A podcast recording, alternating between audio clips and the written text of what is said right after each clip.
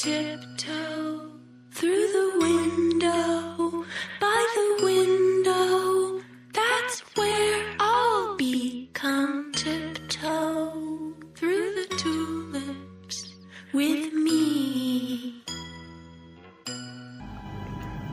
Selamat datang di podcast The World of Nightmare bersama Agung, Piko, dan Gilang. Di sini kami akan membawakan cerita-cerita horor, misteri, creepypasta, dan urban legend. Jadi, selamat bermimpi buruk.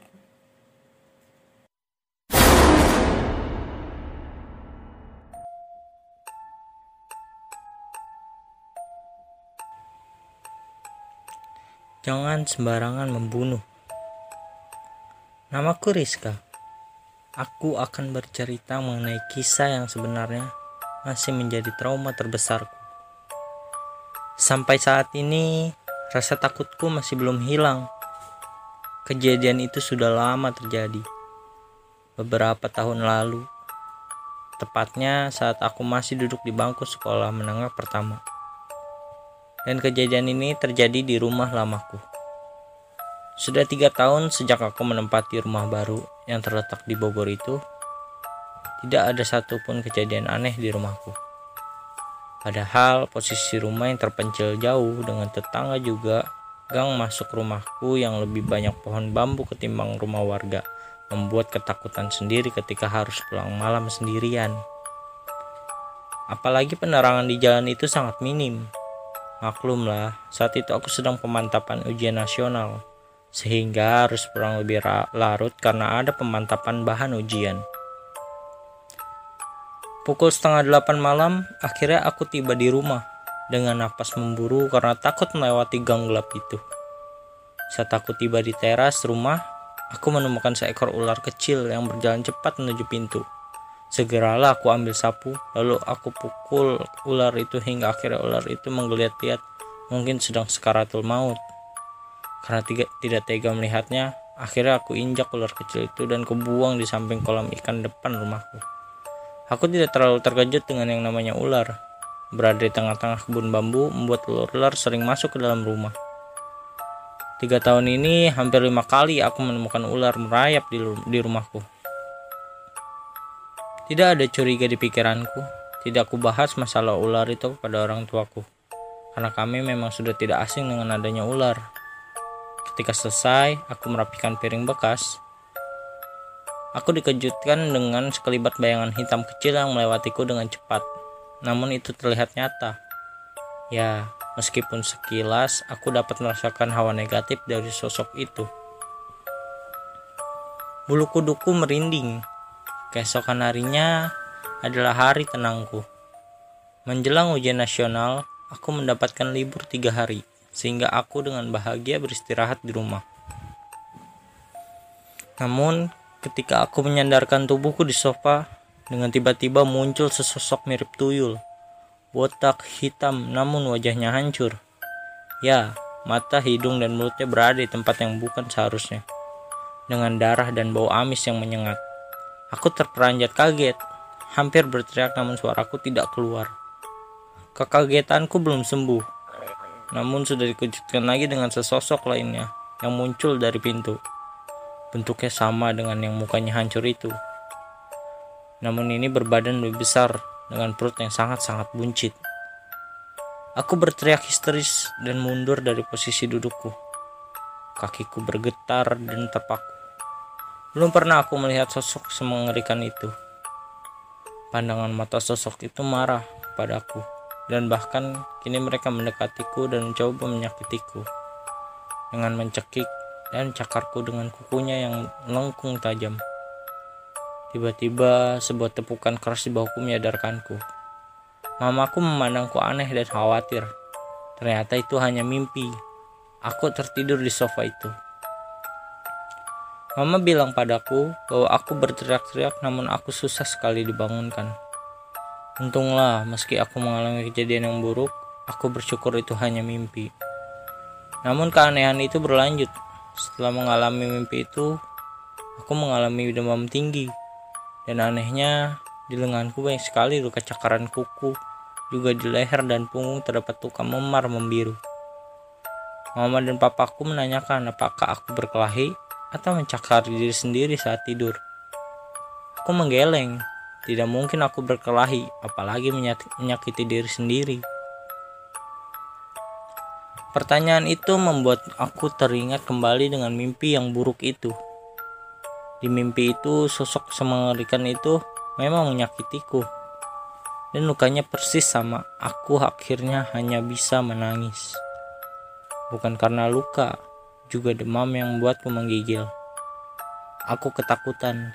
Kini aku bisa melihat sosok itu tertawa di balik punggung kedua orang tuaku.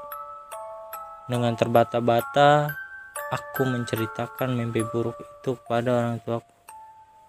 Mereka terlihat cemas, namun mereka akhirnya berdiskusi. Dan papaku pergi untuk mencari orang yang dapat menyembuhkanku. Aku tidur sendirian malam ini. Adikku Karisma sedang pergi berlibur di Bandung untuk beberapa hari bersama bibiku. Beruntung sekali dia, seharusnya aku pun bisa berlibur. Aku harus sembuh.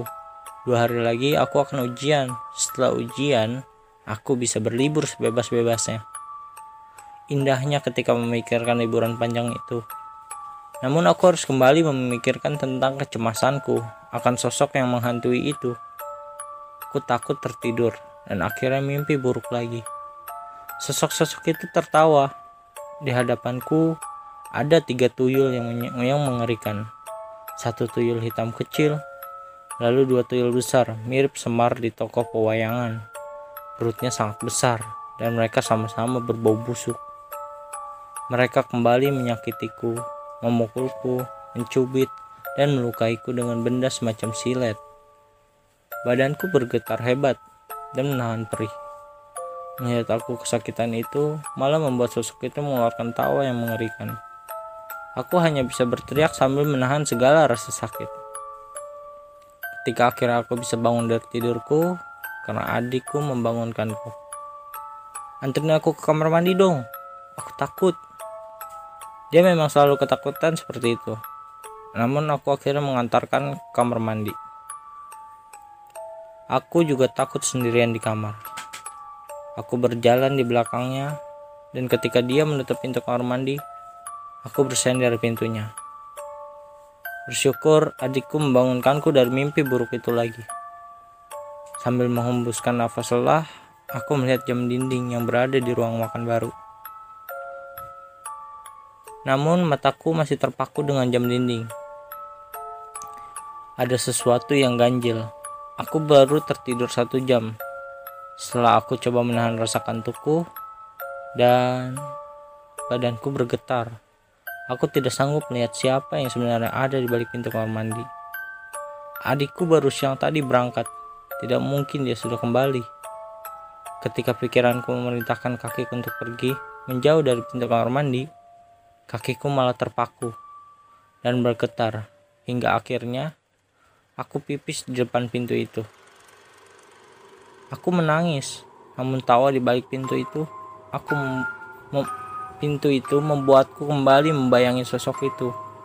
Mama berlari memelukku. Dia tidak memarahiku karena aku pipis sembarangan. Dia makin khawatir ketika melihat lukaku semakin parah.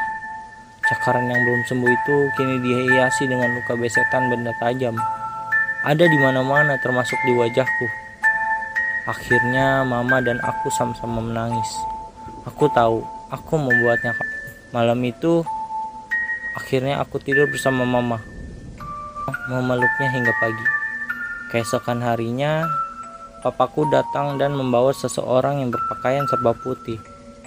Ketika melihatku, lelaki itu melotot dan memandangiku cukup lama. Aku sangat tidak nyaman dengan sorot matanya yang mencoba membaca apa yang terjadi padaku. Namun tak lama ia menarik bibirnya dan tersenyum lalu mengamati lukaku. Apakah beberapa hari kebelakangan ini kamu membunuh seekor ular hitam? Tanya lelaki itu. Aku mencoba mengingat-ingat. Ya, pulang sekolah terakhir itu aku memang membunuh sebuah ular kecil. Namun yang sosok yang kuhadapi ini bukan ular. aku mengangguk pelan. Kedua orang tuaku menatapku masih dalam pandangan cemas dan terus memegangiku. Lelaki itu mengangguk. Sosok hitam itu adalah jelmaan dari ular yang kau bunuh itu. Aku merasakan hawa panas di sini. Itu menandakan bahwa sosok itu menaruh dendam padamu. Jelasnya. Aku hanya membunuh satu. Namun kenapa sosok itu menjadi seperti keluarga yang mengeroyokiku? Dan ada bapak ibunya yang ikut dendam karena anaknya kau bunuh. Lanjut lelaki itu. Benar saja.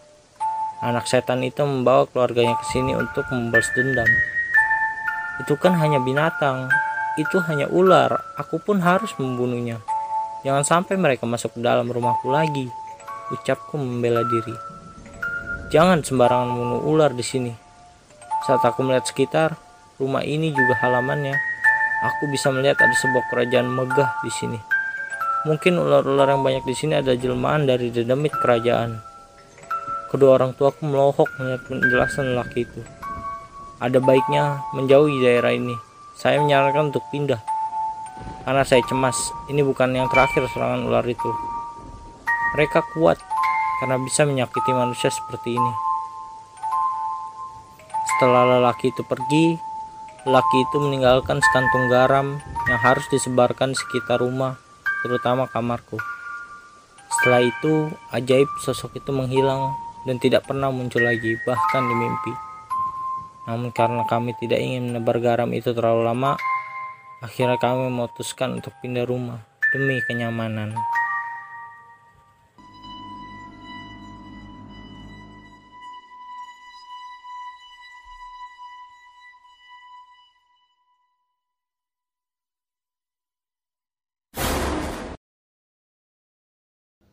Cerita selanjutnya adalah cerita tentang street light. Cerita ini menceritakan tentang sesosok makhluk yang tidak menyukai lampu jalanan. Aku punya sahabat baik, namanya Billy. Kami pergi ke sekolah bersama-sama dan bermain bersama setiap saat.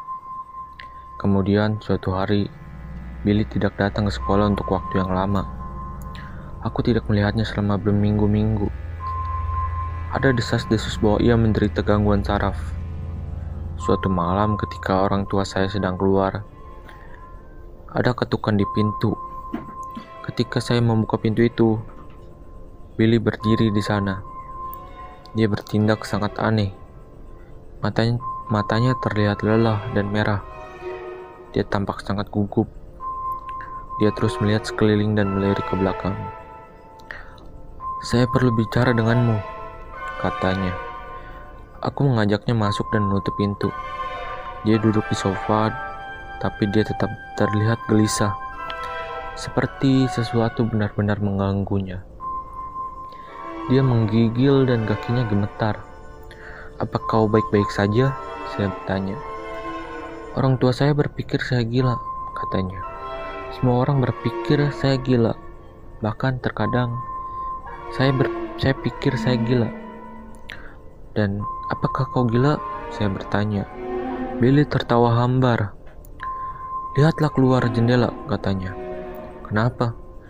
Lihat saja. Lihat keluar jendela dan katakan apa yang Anda lihat. Aku memutuskan untuk menurutinya. Jadi aku membuka tirai dan mengintip keluar. Apa yang Anda lihat? Tanyanya. Saya melihat beberapa rumah, beberapa mobil, beberapa lampu jalan. Tepat, katanya. Dan apakah Anda melihat sesuatu yang aneh? E, tidak, kataku. Anda lihat lampu-lampu jalan? Tanyanya. Lampu jalan itu seharusnya menyala. Tapi tidak, mereka semua mati. Bagaimana mungkin setiap lampu di jalan mati? Siapa yang kau pikir melakukan itu semua? Saya tidak tahu, kataku. Memang menurutmu siapa? Billy merendahkan suaranya dan berbisik. The Tin Man. Apa yang kamu bicarakan? Tanyaku heran. Saya mendengar rumor tentang dia sebelumnya, kata Billy. Tapi saya pikir itu hanya sebuah urban legend. Tetapi ternyata bukan. The Tin Man adalah nyata. Dia membenci lampu jalan. Dia tampak seperti paranormal pada awalnya. Ta tapi ketika ia melihat melipat tubuhnya, dia menjadi benar-benar tinggi dan benar-benar tipis, sama seperti lampu jalan. Dan dia berpakaian serba abu-abu, sama seperti lampu jalan. Dia bersembunyi di belakang lampu-lampu itu. Ketika di luar mulai gelap dan lampu jalan tidak menyala, kamu bahkan tidak tahu dia dia ada di sana. Bagaimana kau tahu semua ini? Tanyaku. Karena aku sudah melihatnya, jawab Billy. Kapan? Beberapa minggu yang lalu, aku bermain bola di sekitar taman dan saya tanpa sengaja menendangnya ke dalam semak-semak. Saya pergi untuk mengambilnya dan saat itulah saya melihatnya. Dia tampak seperti manusia biasa, berdiri, berdiri di jalan. Ia melihat di sekitarnya dan kemudian ia berpikir tidak ada orang di sekitarnya. Ia seperti melipat tubuhnya. Dia berubah menjadi sesuatu yang tinggi dan kurus, dan dia bersembunyi di balik lampu jalan. Tiba-tiba saya mendengar suara klik dari dan lampu padam. Lalu ia meluncur ke lampu jalan yang lain dan saya mendengar suara klik lagi dan lampu itu padam juga. Dia melakukan itu ke semua lampu di ujung blok. Klik, klik, klik sampai semua lampu padam. Setelah semua lampu padam, saat itulah dia melihat saya. Tiba-tiba mata kami bertemu dan saya tahu bahwa ia telah melihat saya dan dia tahu bahwa saya telah melihatnya. Saya langsung berlari menjauh tanpa melihat ke belakang lagi. Ketika saya sampai di rumah, saya mengunci semua pintu setelah itu. Saya takut untuk meninggalkan rumah.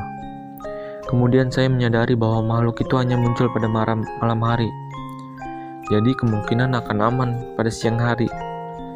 Tidak ada yang percaya pada saya. Orang tua saya membawa saya ke psikiater dan dia tidak percaya saya. Apakah kamu mempercayaiku? Tentu, kataku, berusaha menghibur dia. Aku percaya kamu. Tidak, tidak, katanya kecewa. Pokoknya, jika kamu tidak percaya padaku, saya pikir saya sudah memperingatkan kamu. Setelah semua ini, kamu tetap teman terbaik saya. Dan dengan itu Billy bangkit dan mengucapkan selamat tinggal di pintu depan. Dia melihat sekeliling untuk memastikan di sekitarnya aman, dan kemudian berlari menjauh. Aku melihat dia sampai dia tidak terlihat lagi. Kemudian saya kembali ke dalam. Saya merasa benar-benar sedih. Saya merasa seperti sahabat saya telah kehilangan pikirannya. Tapi sepertinya saya salah. Saya tahu itu ketika keesokan paginya Polisi menemukan Billy. Dia ditemukan dengan tubuh terlipat. Tidak ada darah dan isi perutnya telah dikeluarkan. Dan di setiap tulang dalam tubuhnya telah patah. Dia telah dilipat menjadi sebuah bulatan kecil. Polisi bahkan tidak tahu apa yang mereka temukan pada awalnya. Sampai mereka mengambilnya dan melihat wajah datar Billy Ibunya harus pergi ke kantor polisi dan mengidentifikasinya ketika mereka membawanya ke dalam ruang jenazah. Untuk menunjukkan mayat Billy, ia pingsan. Dia hanya sebuah bundel kecil dari daging, tulang, pakaian, dan rambut. Ia telah dilipat. Sejak aku mendengar berita itu, Aku tidak bisa berhenti memikirkan tentang hal-hal gila yang Billy katakan kepada aku. Aku belum bisa tidur. Aku lelah dan mataku memerah. Aku gugup sepanjang waktu dan aku selalu menoleh ke belakang. Pagi ini ketika saya berangkat ke sekolah, saya menghitung lampu jalan di jalan. Ketika saya pulang malam ini, saya menghitung mereka lagi, dan betapa terkejutnya saya karena lampu jalannya telah bertambah satu buah. Ya, itu tadi podcast kita pada kali ini. Walaupun podcast kita pada kali ini tidak seperti biasanya yang selalu membawakan tiga cerita. Karena ada beberapa kendala, kami hanya membawakan dua cerita. Dan tetap dengerin podcast kita. Dan selalu ingat, sesuatu yang menyeramkan adalah sesuatu yang tidak terlihat. See you and bye bye.